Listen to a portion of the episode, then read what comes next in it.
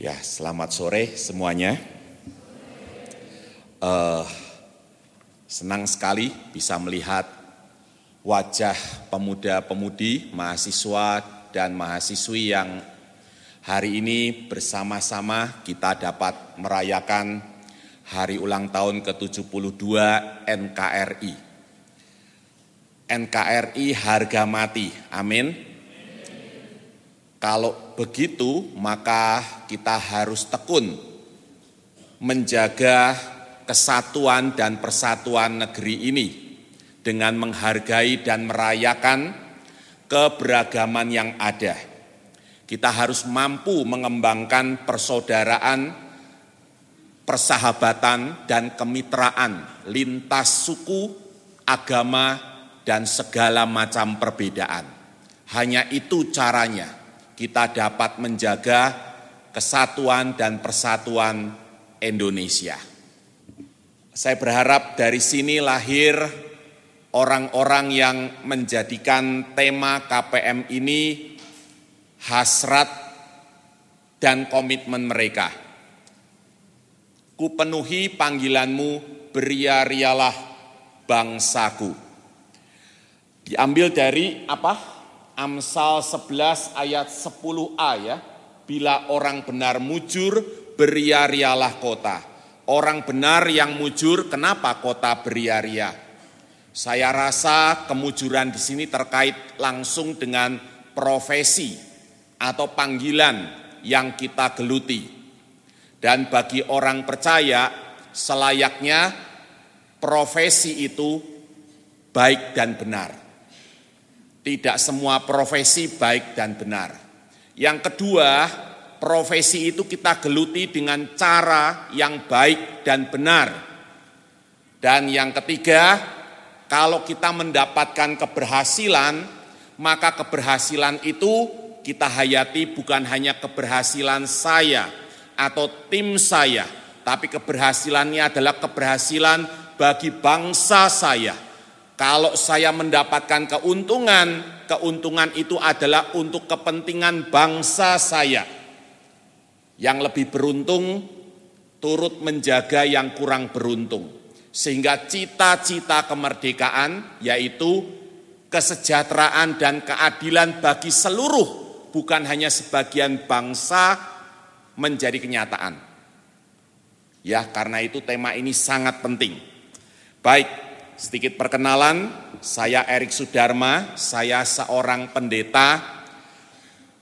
Gereja tempat saya melayani adalah Gereja Kristen Muria Indonesia yang ada di kota Kudus.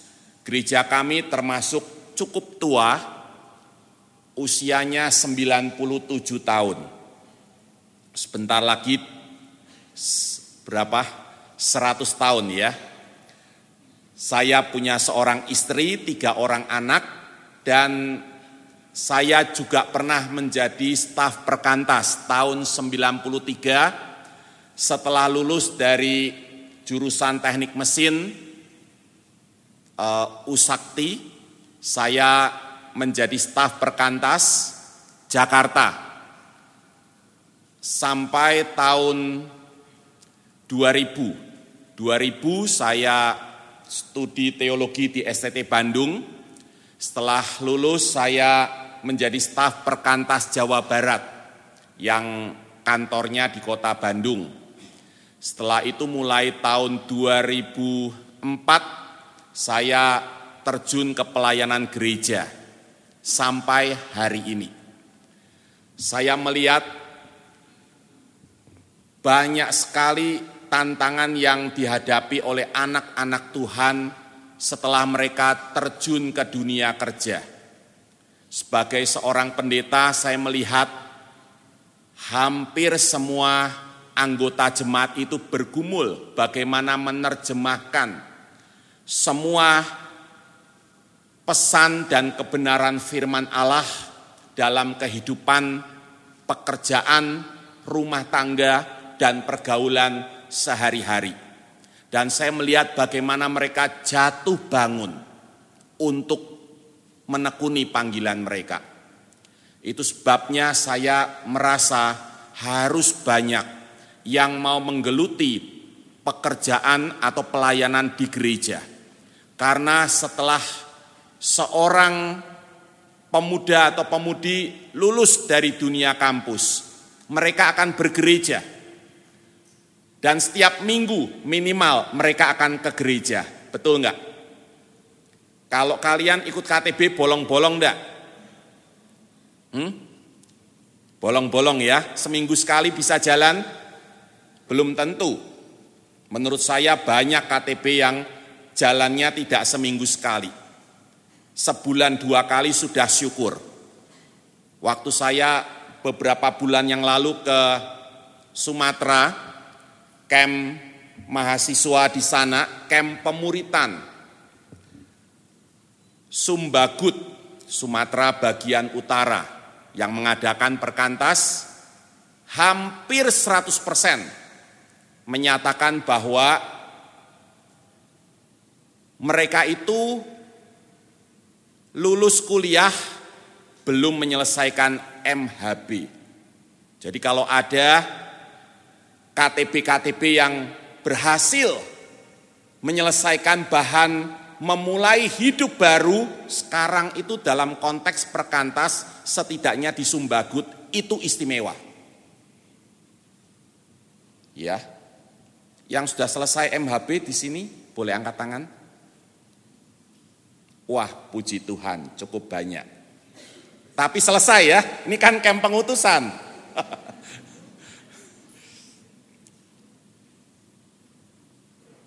Tapi kalau setelah lulus, kalian ke gereja kan tiap minggu. Pemuritan harus dilanjutkan di gereja. Supaya kita semakin kuat di dalam menekuni panggilan kita sebagai murid Yesus pelayanan gereja makin penting saat ini. Di tengah dunia yang menawarkan nilai-nilai yang serba relatif dan sementara pelayanan gereja menjadi jauh lebih penting ketimbang era-era sebelumnya. Ya. Baik, itu sedikit perkenalan. Mari kita berdoa, kita mohon tuntunan Tuhan. Bapa di surga, kami bersyukur untuk kesempatan kami boleh mempelajari firman-Mu dalam kesempatan KPM tahun 2017 ini. Kami akan mempelajari khususnya kitab Yesaya. Kami mohon tuntunan-Mu, terangilah hati kami dengan sinar kebenaran-Mu. Terangilah hidup kami dengan cahaya kehendak-Mu. Sehingga seluruh anggota tubuh kami boleh memuliakan namamu. Tolonglah hambamu yang lemah dan serba terbatas ini untuk menjelaskan firmanmu sehingga apa yang belum kami mengerti dapat kami pahami dan apa yang sudah kami pahami dapat kami hidupi. Terima kasih Bapa, demi nama Tuhan Yesus kami berdoa. Amin. Mari kita membuka kitab Yesaya pasal 42 ayat 1 sampai 4.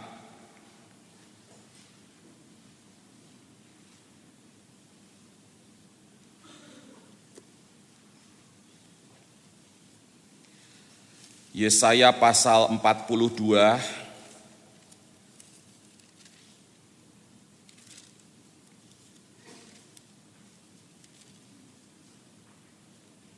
ayat 1 sampai 4. Kita akan membacanya secara bertanggapan. Saya akan membacakan kalimat-kalimat yang lebih ke kiri, teman-teman yang lebih ke kanan. Lihat itu hambaku yang kupegang. Aku telah menaruh rohku ke atasnya.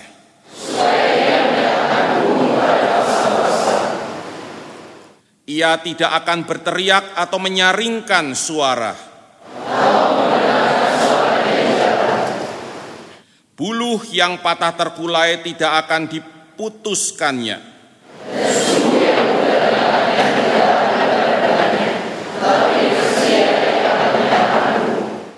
Ia sendiri tidak akan menjadi pudar dan tidak akan patah terkulai.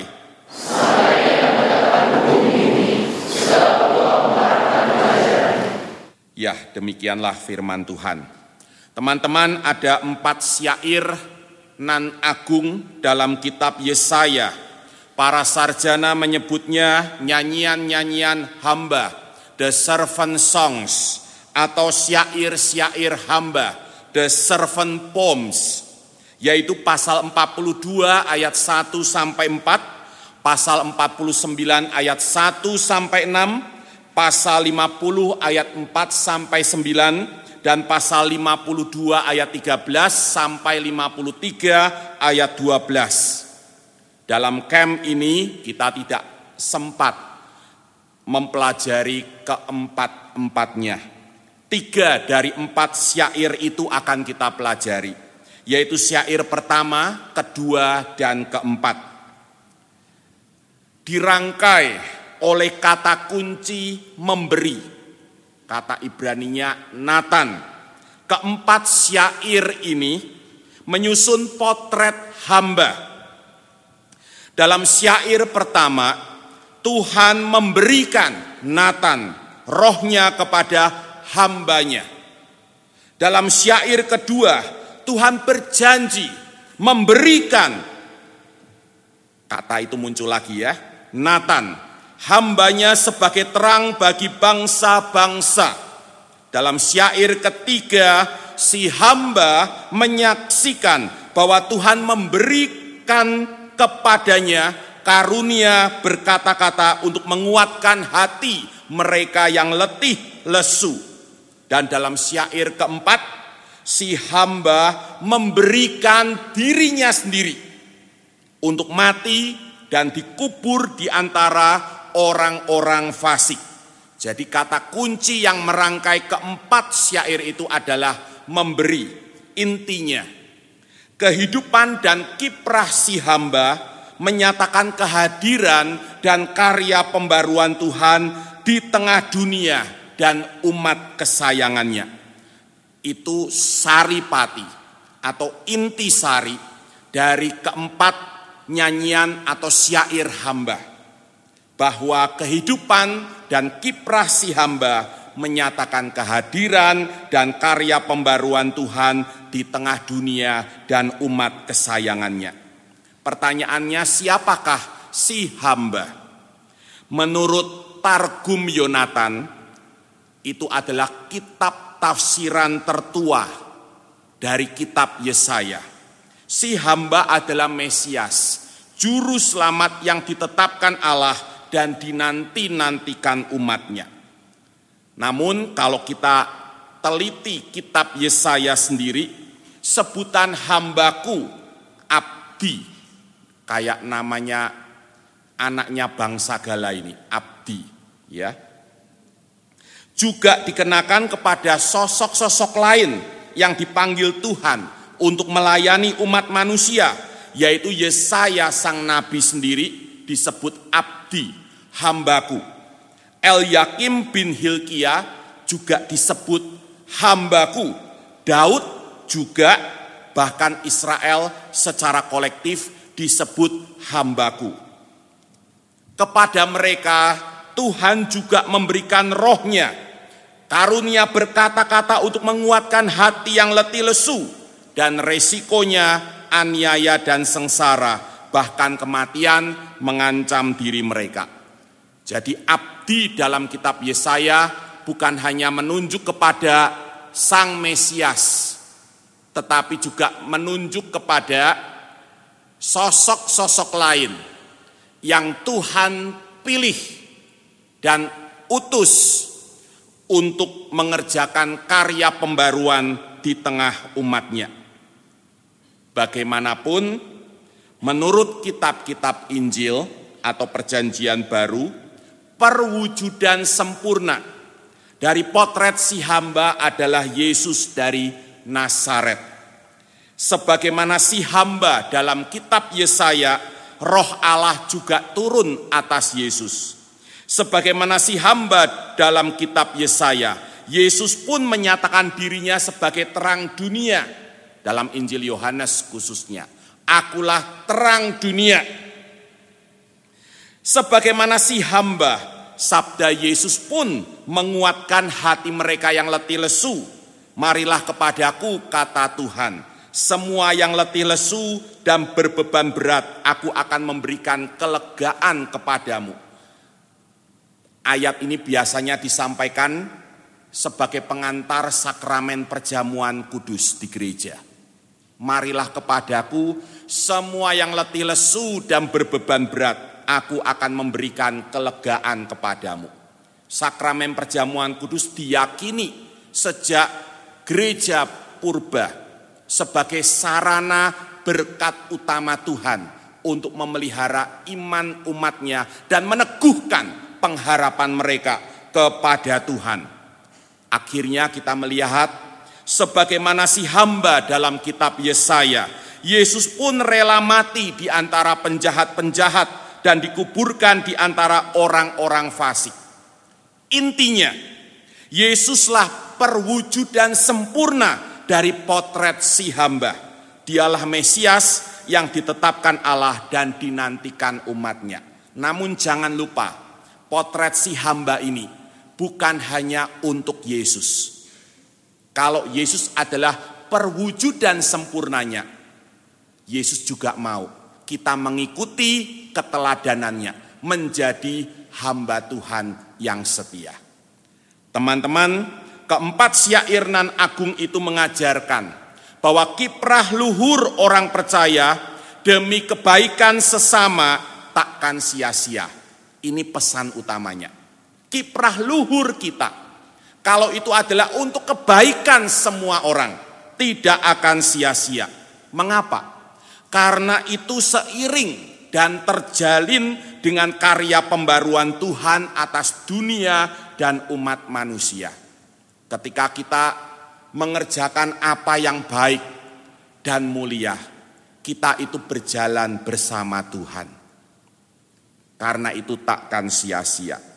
Pengaruh dan hasilnya akan menembus waktu dan melampaui apa yang kita harapkan seperti tertulis dalam Yesaya 52 ayat 13 sampai 53 ayat 12. Syair keempat. Kita akan pelajari ini pada hari Sabtu. Khususnya ayat 11. Mari kita perhatikan Yesaya 53 ayat 11. Kita maju sebentar ya ke pasal 53 ayat 11. Tertulis di sana, sesudah kesusahan jiwanya, yaitu si hamba, ia akan melihat terang dan menjadi puas. Setelah susah, akhirnya dia akan menjadi puas. Dan hambaku itu sebagai orang yang benar akan membenarkan banyak orang oleh hikmatnya dan kejahatan mereka dia pikul. Jadi apa yang kita perjuangkan jika itu mulia dan luhur seperti yang diperjuangkan oleh Sang Mesias tidak akan sia-sia. Amin. Ya. Sekarang kita kembali kepada syair hamba pertama yaitu Yesaya 42 ayat 1 sampai 4. Syair ini menyaksikan bahwa kiprah luhur si hamba sebagai agen pembaru dunia berawal dari pilihan dan pemberdayaan Tuhan atasnya. Si hamba tidak memilih dirinya sendiri. Ia pun tidak sanggup dengan sendirinya. Ia sanggup karena roh Allah ditaruh atasnya. Lihat kata Nabi Yesaya di ayat 1 itu hambaku yang kupegang, orang pilihanku yang kepadanya aku berkenan. Aku telah menaruh rohku ke atasnya, supaya ia menyatakan hukum kepada bangsa-bangsa. Saya minta kita garis bawahi, boleh di Alkitab kalian beberapa kata kunci. Yang pertama pilihan, yang kedua berkenan, yang ketiga rohku Dan yang keempat, hukum. Saya akan menyoroti keempat istilah itu. Pilihan, berkenan, rohku, dan hukum. Saudara sekalian, perhatikan, tugas suci yang hendak dipercayakan Tuhan kepada si hamba adalah menyatakan hukum kepada bangsa-bangsa. Kata hukum berasal dari kata Ibrani mispat. Mispat. Mispat selain hukum juga berarti keadilan, justice. Dan saya rasa kata keadilan lebih tepat digunakan di sini ketimbang hukum. Jadi tugas suci si hamba adalah menyatakan keadilan kepada bangsa-bangsa. Apa arti keadilan? Biasanya kita itu menilai adil jika pihak yang baik diupahi, diberkati, dan pihak yang jahat dihukum. Kalau tidak demikian, itu tidak adil. Kalau yang baik justru mengalami kesusahan, yang jahat justru bebas dari masalah, itu tidak adil. Biasanya kita menilai demikian. Namun kita patut pahami, di dalam perjanjian lama, keadilan atau mispat berarti bahwa pihak yang paling lemah dan paling rentan di tengah masyarakat disejahterakan. Itu arti keadilan. Itu arti mispat. Pihak yang paling rentan dan lemah di tengah masyarakat disejahterakan. Teman-teman mungkin masih ingat pesan Musa kepada bangsanya untuk mereka merawat tiga kelompok manusia yang pertama janda-janda, yang kedua yatim piatu, yang ketiga orang asing. Ini tiga pihak yang paling rentan dan paling lemah di tengah masyarakat. Kamu harus jaga mereka. Itu arti mispat. Dan itu sesuai dengan cita-cita kemerdekaan kita, bukan? Apa cita-cita kemerdekaan kita? kesejahteraan, dan keadilan bagi seluruh, bukan sebagian rakyat Indonesia. Itulah mispat, itulah keadilan. Semua sejahtera. Tidak ada kesenjangan yang seperti saat ini, semakin lebar antara yang kaya dan yang miskin. Nah, teman-teman, untuk tugas sesuci itu, Tuhan memilih bukan sembarang orang. Memang kita mewarisi teologi sola gratia, semua karena anugerah Tuhan, bukan karena kebaikanku, bukan karena apalagi itu fasilidahku dan seterusnya ya. Wah kalau kita nyanyi itu air mata bisa bercucuran. Itu benar. Tetapi kalau kita cermati Alkitab baik-baik, Tuhan itu tidak sembarangan dalam memilih agen-agen pembaruan untuk dunia ini. Tuhan tidak sembarangan. Di sini ada unsur tanggung jawab manusia diperhitungkan. Kualitas bahwa dia dapat dipercaya bermain. Perhatikan baik-baik, Tuhan memilih orang yang kepadanya aku Tuhan berkenan. Lihat ayat 1. Ya, kata kuncinya berkenan. Orang seperti apa itu? Yang kepadanya Tuhan berkenan. Jawabannya sederhana. Tentunya yang perilakunya suci. Barang siapa akrab dengan perjanjian lama akan dapat langsung menjawabnya. Dalam perjanjian lama, orang yang berkenan kepada Tuhan adalah orang yang punya kualitas yir'e Yahweh. Artinya takut akan Tuhan. Konkretnya hidup atau berperilaku baik dan benar. Itu artinya suci. Berperilaku baik dan benar. Yir'e Yahweh. Teman-teman, mari kita buka Mazmur 37 ayat 23 sampai 24. Mazmur 37 ayat 23 sampai 24. Mari kita baca bersama kedua ayat ini. Mazmur 37 ayat 23 sampai 24. Satu dua ya.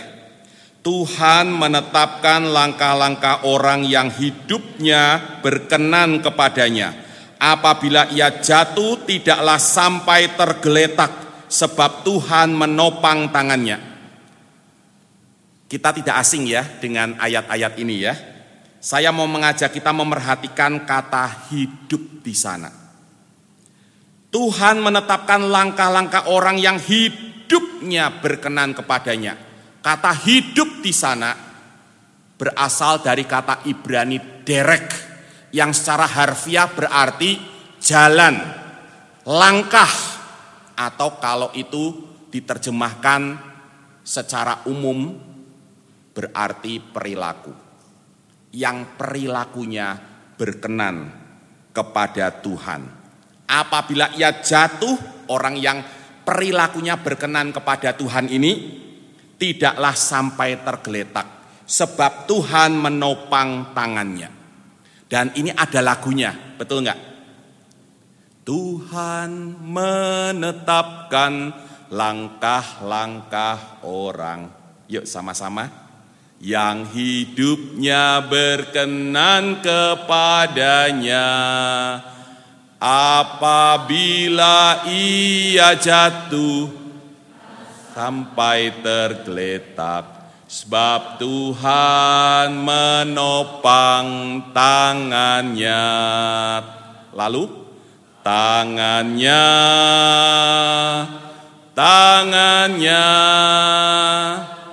sebab Tuhan menopang tangannya. Apabila ia jatuh tak sampai tergeletak. Sebab Tuhan menopang tangannya. Keberatan saya sama lagu ini cuma satu. Lagu ini terlalu menekankan hal Tuhan menopangnya. Kurang penekanan pada berkenannya hidup orang itu kepada Tuhan. Akhirnya yang penting Tuhan menopang saya. Tapi kita kurang memerhatikan apakah perilaku kita berkenan kepada Tuhan. Kita mau berkat Tuhan, kita lupa panggilan hidup kita.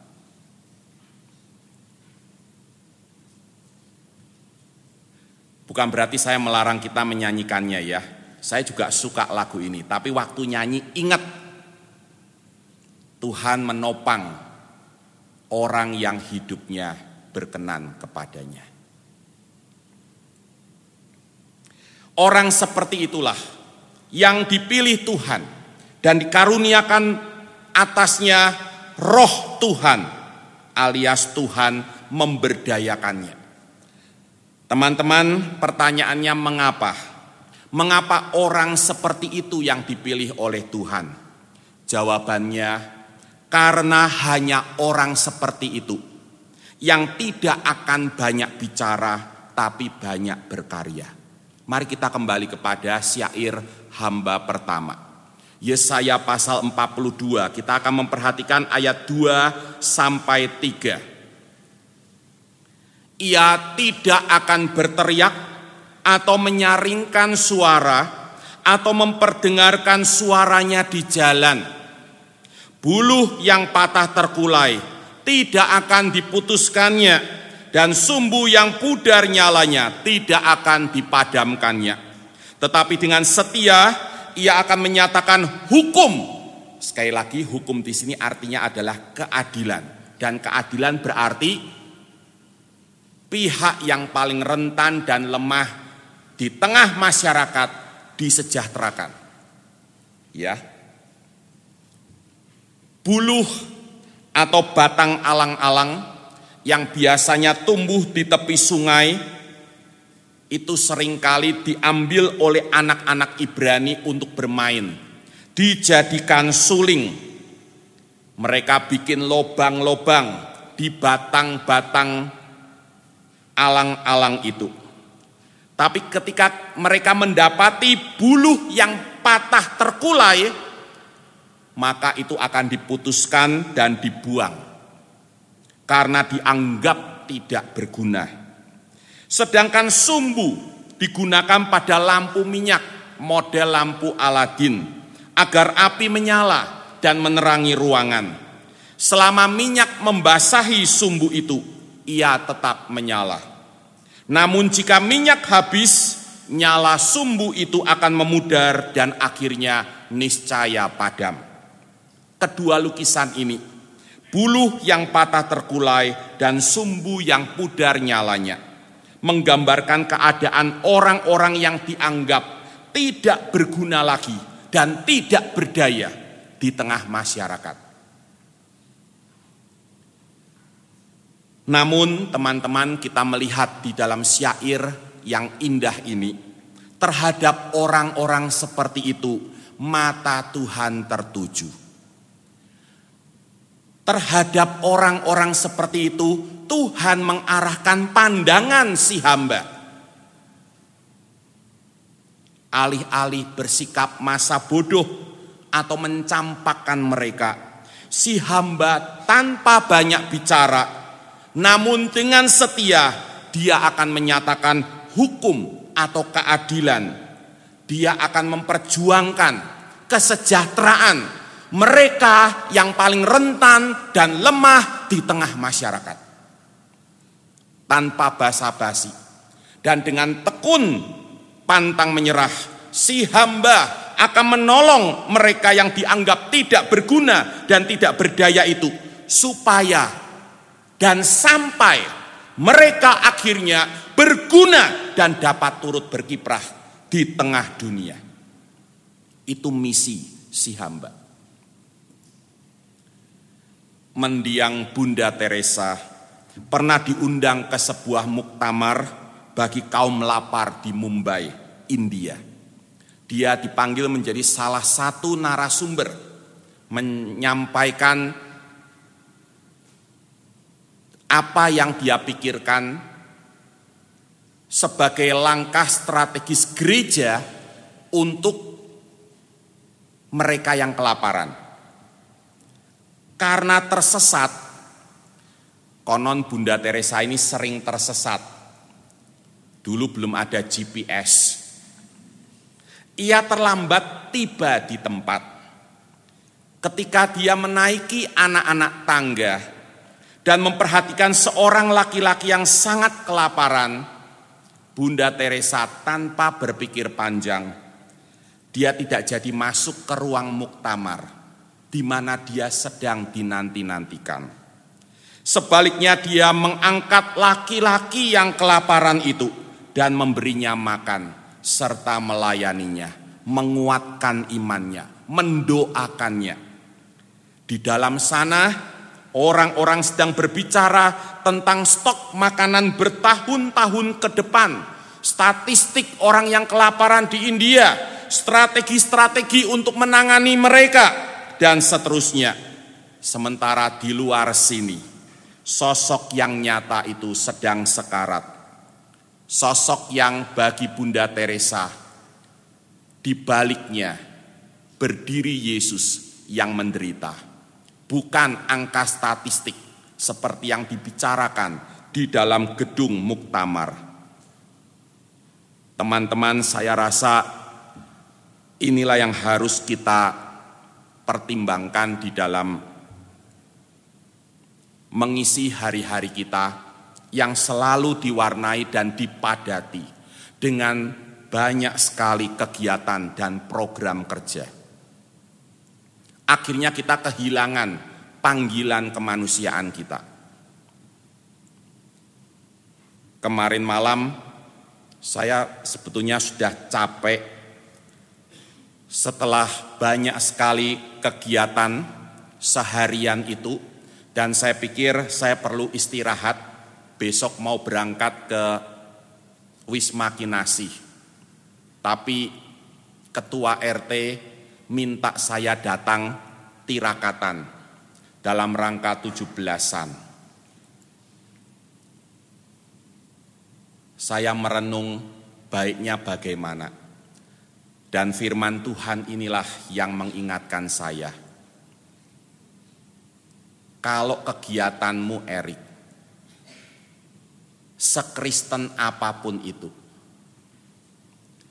Semulia apa pun itu di mata gereja dan umatku.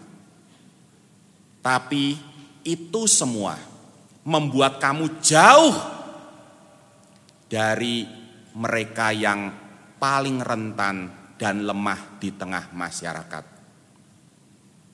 Kamu kehilangan panggilan kehambaanmu.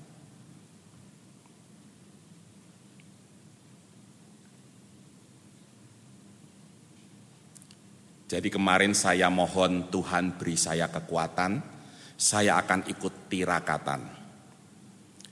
Dan saya merasa bersyukur, saya ikut tirakatan, saya boleh menyanyi bersama,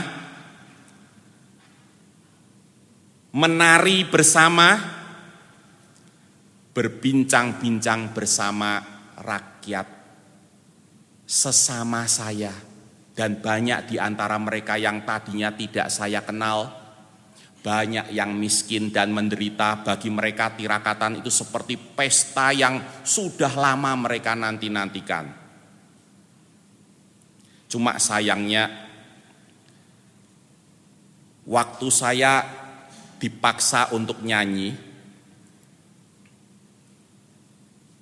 saya tadinya tidak mau ya, karena suara saya itu selalu tidak pas dengan lagunya. Kalau tidak percaya tanya Kak Lina. Selama paduan suara perkantas staff-staff lo ya, ada, saya tidak pernah ikut. Dan Pak Mangapusagala tidak keberatan, saya tidak ikut.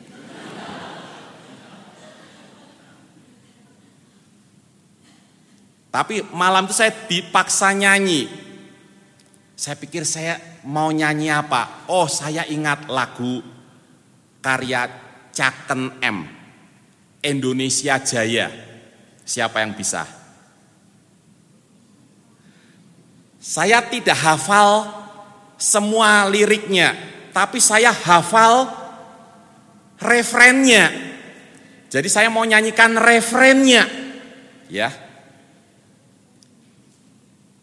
Hidup tiada mungkin tanpa perjuangan, tanpa pengorbanan. Mulia adanya, berpeganglah tangan dalam satu cita demi masa depan. Indonesia jaya. Wah, saya sudah percaya diri ya, saya mau nyanyi ini. Begitu Mike disampaikan ke hadapan saya, saya baru ucapkan satu kata. Kan hidup tiada mungkin ya, hidup mati lampu.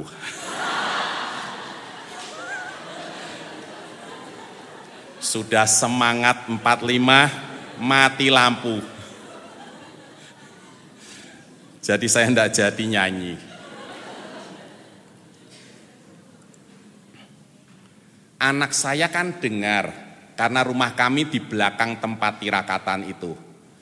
Saya pulang ke rumah dia ketawa sampai pegang perutnya ya. Gara-gara papi nyanyi. Tirakatan bubar.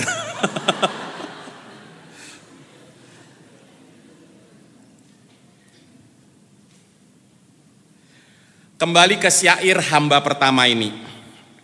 Syair ini ditutup akhirnya dengan sebuah penegasan akan komitmen si hamba. Kita lihat ayat keempat. Ia sendiri tidak akan menjadi pudar dan tidak akan patah terkulai sampai ia menegakkan hukum di bumi. Segala pulau mengharapkan pengajarannya. Saya menyukai terjemahan versi bahasa Indonesia sehari-hari untuk ayat ini Demikian bunyinya. Tanpa bimbang atau putus asa, sampai keadilan ditegakkan di bumi. Negeri-negeri yang jauh merindukan ajarannya. Artinya teman-teman, dengan roh Allah yang telah ditaruh atas si hamba, ia yakin bahwa kiprah luhurnya memperjuangkan kesejahteraan mereka yang paling lemah dan rentan di tengah masyarakat takkan sia-sia. Kesejahteraan dan keadilan bagi seluruh bangsa niscaya akan tercapai. Dan itu bukan saja atas negerinya, melainkan juga atas negeri-negeri lain. Dia percaya pengaruhnya akan menerobos bukan hanya waktu, tetapi dimensi-dimensi geografis lainnya. Demikian syair hamba yang pertama. Dalam Matius 12 ayat 18 sampai 21. Teks Yesaya 42 ayat 1 sampai 4 ini dikutip oleh penginjil Matius dan dikaitkan dengan peristiwa Yesus menyembuhkan orang yang mati sebelah tangannya di rumah ibadat pada hari Sabat. Perdebatan muncul di kalangan orang-orang Farisi. Apakah Yesus akan menyembuhkan orang itu pada hari Sabat atau tidak? Orang-orang Farisi tidak peduli dengan kebutuhan orang yang lemah itu. Yang mereka pedulikan adalah apakah Yesus akan melanggar hukum agama demi orang itu atau tidak. Namun Yesus tidak khawatir dengan penilaian manusia. Dia tahu apa arti mispat, apa arti keadilan. Hukum itu ada, termasuk hukum agama, untuk mispat, untuk manusia. Dia pernah berkata, sabat untuk manusia, bukan manusia untuk sabat. Hukum yang tertulis itu untuk menjamin mispat, keadilan. Yang lemah dan rentan disejahterakan, bukan sebaliknya. Hukum menjadi segalanya. Karena itu, Yesus tidak khawatir dengan penilaian manusia. Bagi Yesus, mispat lebih penting. Itu tugas suci yang diterimanya dari Bapaknya untuk ditunaikannya. Menegakkan mispat. Maka dia menyembuhkan orang itu. Matius mengaitkannya dengan Yesaya 42 ayat 1 sampai 4 sebagai penegasan bahwa Yesus memenuhi nubuat si hamba dengan menyembuhkan si lumpuh yang mewakili pihak yang paling lemah dan rentan di tengah masyarakat. Agama yang bersifat menghakimi akan membiarkan orang-orang seperti itu menderita demi nama agama. Kalau perlu demi nama Allah. Padahal Allah tidak seperti itu. Yesus tidak akan melakukan dan mempraktikkan kehidupan beragama seperti itu segala hukum dan aturan agama akan memutuskan buluh yang patah terkulai dan mengecam segala ketidaksempurnaannya. Yesus sebaliknya, ia menyembuhkan buluh yang patah terkulai itu dan memulihkan kegunaannya. Tangan yang lumpuh itu kembali kuat, bisa bekerja dan berkarya. Teman-teman, Tuhan kita Yesus ingin mengambil buluh-buluh yang patah terkulai dan menjadikannya suling-suling yang bunyinya merdu. Dia ingin mengambil sumbu yang pudar nyalanya dan menjadikannya sesuatu yang memancarkan terang kasih karunia Tuhan.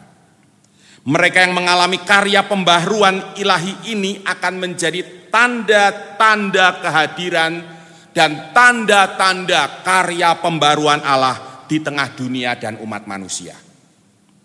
Dan bagi saya, satu tanda seperti itu, orang yang lemah dianggap tidak berguna menjadi sosok yang berguna dan mampu memancarkan terang kasih Tuhan itu jauh lebih penting ketimbang 100 khotbah tentang itu. Saudara dapat mempelajari ratusan buku tentang diri dan karya Allah. Tapi saudara tetap tidak mengenal Tuhan. Di mana kita dapat benar-benar melihat dan mengenal kehadiran dan karya pembaruan Allah? Jawabannya adalah di dalam hidup orang-orang yang telah patah terkulai dan nyaris padam, namun kemudian dibarui dan diberdayakan oleh Allah. Itu tugas suci kita. Panggilan kita adalah bersama Allah hadir di tengah kehidupan nyata bermasyarakat dan mengerjakan pembaruan di tengah lingkungan kita. Sesederhana apa pun itu. Berlakulah baik dan benar di dalam pekerjaan. Itu harus, tetapi itu tidak cukup.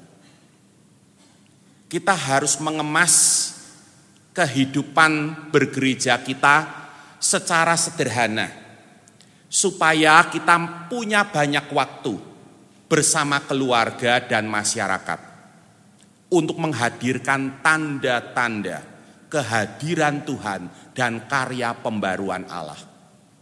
Kalau PMK dengan segala kegiatannya atau gereja dengan semua programnya membuat kita tidak bisa hadir nyata di tengah masyarakat di antara buluh-buluh yang patah terkulai dan sumbu yang pudar cahayanya. Ada yang keliru.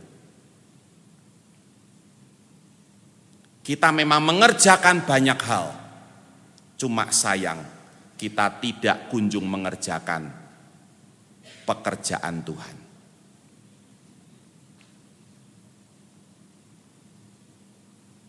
Sekali lagi, panggilan kita adalah bersama Allah, hadir dan mengerjakan karya pembaruan di tengah lingkungan kita. Tuhan mengajak kita melalui KPM ini, mengarahkan pandangan kita kepada pihak yang dianggap paling lemah, tidak berguna, tidak berdaya. Hati Tuhan tertuju kepada mereka dan Tuhan mau kita bersamanya mengurusi karya pembaruan itu.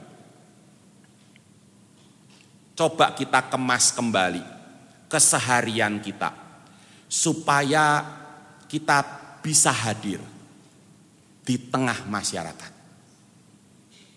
Coba kita mulai pikirkan apa yang bisa kita lakukan untuk menolong pihak-pihak yang paling lemah dan rentan ini. Ingat mispat, itu tugas suci yang Tuhan percayakan kepada kita. Tuhan Yesus sudah memberikan teladan kepada kita. Kita tinggal mengikuti jejaknya.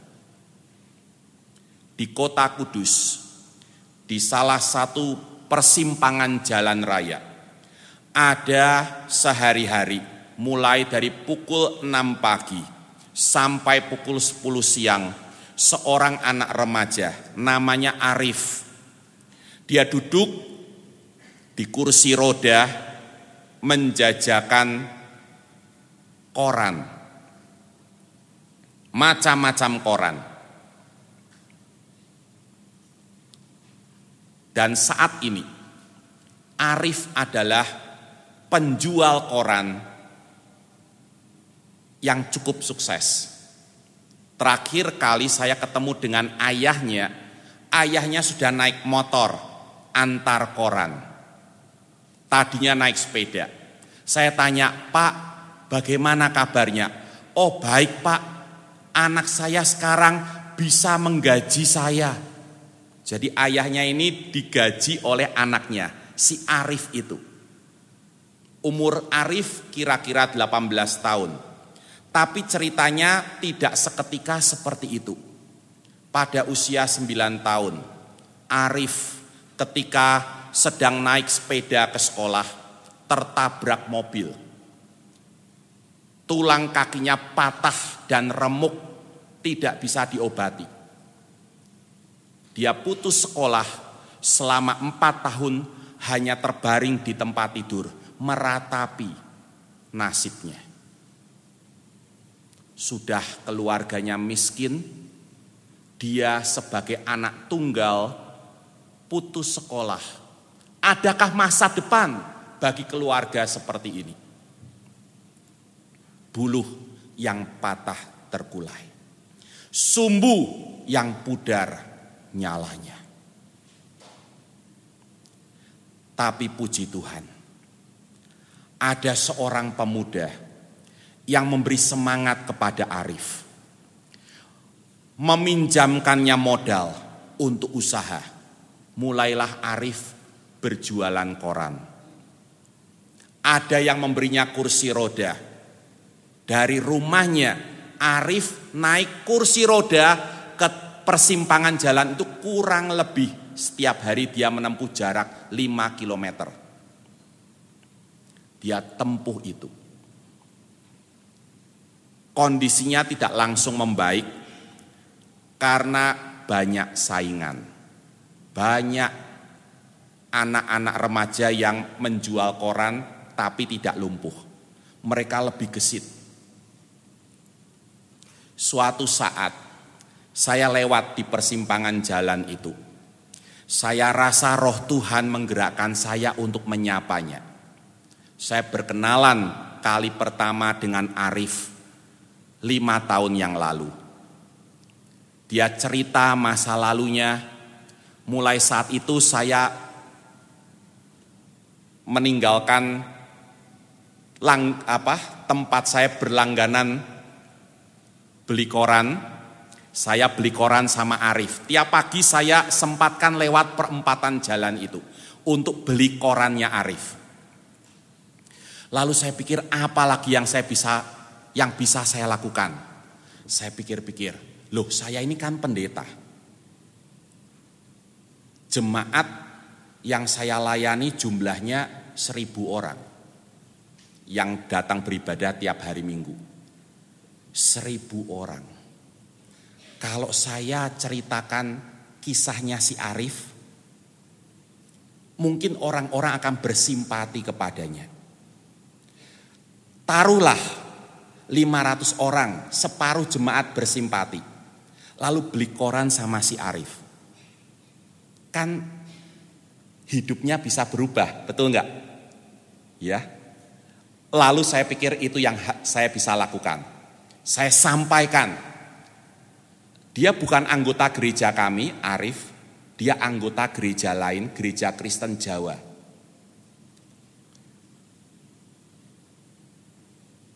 Saya serahkan hasilnya kepada Tuhan.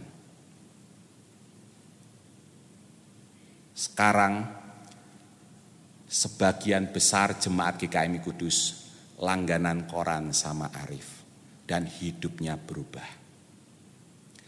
Hal-hal seperti itu saya rasa kalau kita mau buka hati, mata, buka hati, kita hadir di tengah masyarakat, kita bisa lakukan. Dan itu tugas yang sangat suci.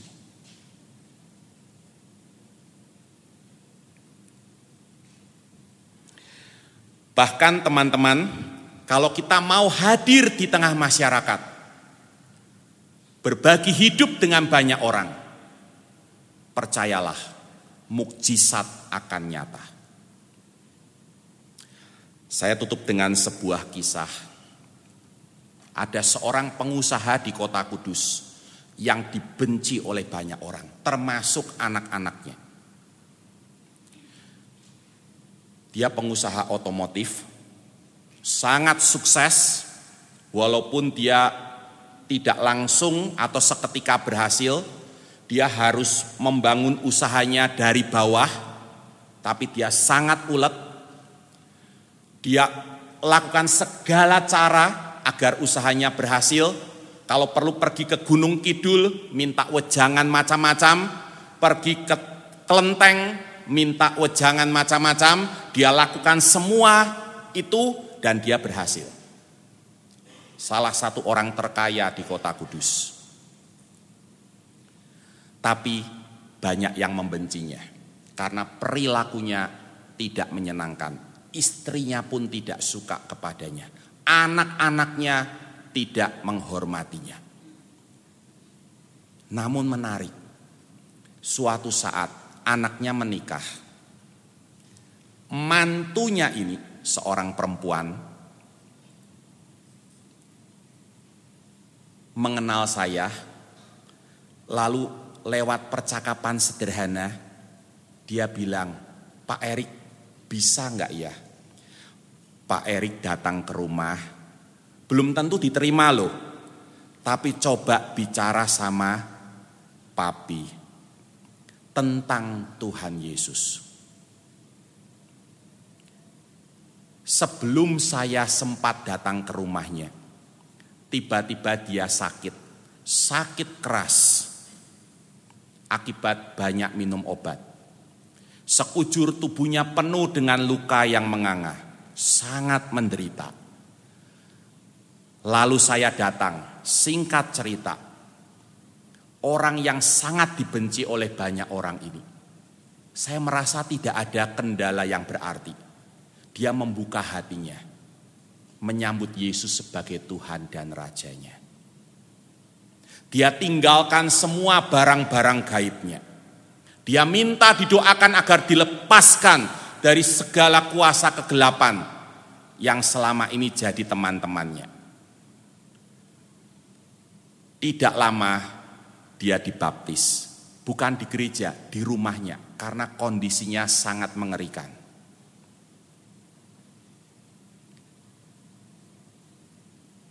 Semua orang tidak percaya orang yang satu ini bertobat. Itu jadi viral di kota Kudus. Orang yang sangat dibenci bertobat. Pada saat itu saya mendapatkan sebuah puisi dari seseorang judulnya menarik a surprise in heaven. Kejutan di surga. Saya langsung terjemahkan. Saya terkejut, galau, limbung. Saat saya memasuki pintu surga. Bukan karena keindahan segalanya, juga lampu-lampu atau hiasannya. Tetapi karena orang-orang yang ada di sana yang membuatku menggerutu dan terkesiap. Para pencuri, pendusta, orang berdosa, pecandu alkohol, sampah. Berdiri di sana anak dari kelas tujuh yang mencuri uang makan siang saya sampai dua kali alias memalak saya. Di sampingnya ada tetangga lama saya yang tidak pernah mengucapkan hal-hal yang baik.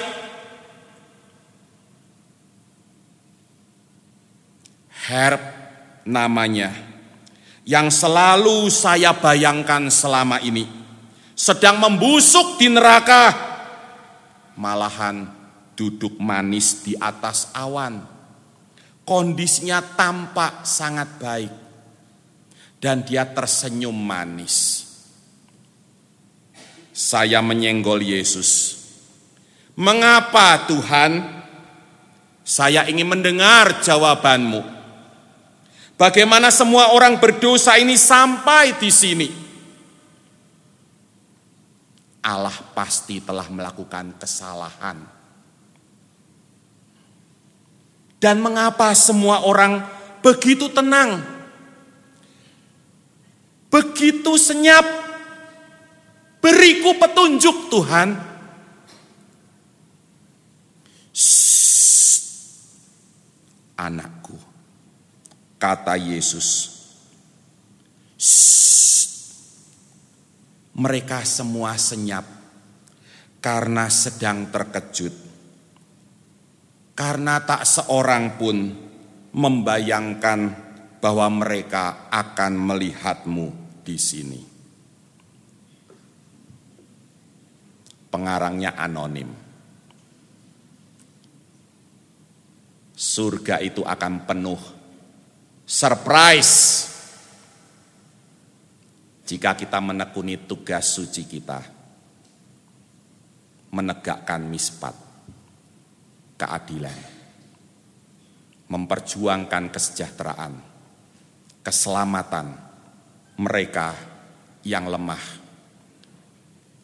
yang rentan yang dianggap tidak berguna yang dianggap menyusahkan yang dianggap takkan mungkin bertobat, yang dibenci oleh banyak orang, yang mungkin sedang kita bayangkan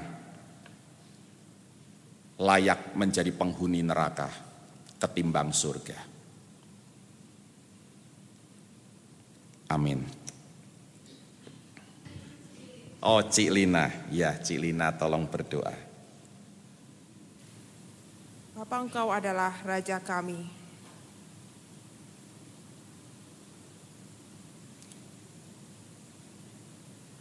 Dan kau datang ke dunia ini Tuhan mengambil rupa seorang hamba. Dan kami tahu Tuhan ketika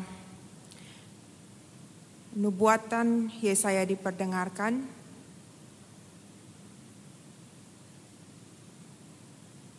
Tuhan sedang memberikan satu modal buat kami untuk mengerjakan dan memberi arti buat hidup yang sudah Tuhan tebus. Tuhan meskipun dalam hidup kami, kami adalah hamba.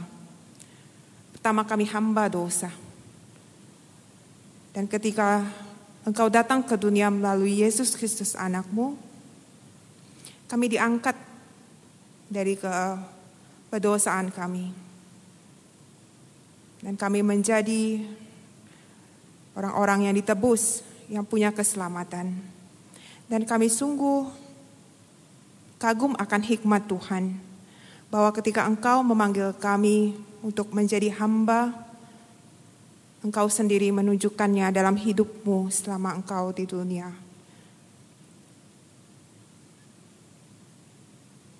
Bapak ajarkan kami mulai hari ini dan sepanjang camp ini untuk terus berkonsentrasi memikirkan apa artinya menjadi seorang amba. Dengan kami terus merenungkan teladan hidup Engkau. Tuhan biarlah syair hamba ini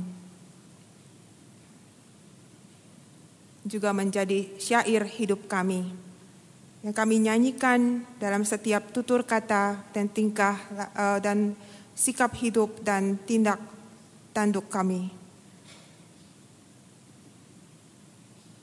Sehingga sair hamba itu juga terrealisasi dan terintegrasi dalam hidup kami. Tuhan hati kami bergetar dan hati kami rindu untuk belajar. Tuhan lembutkan Tuhan hati ini. Dan kalau ada ketakutan atau kegentaran, Tuhan tolong dan hapuskan kegentaran itu. Kalau ada kekerasan dan penyangkalan,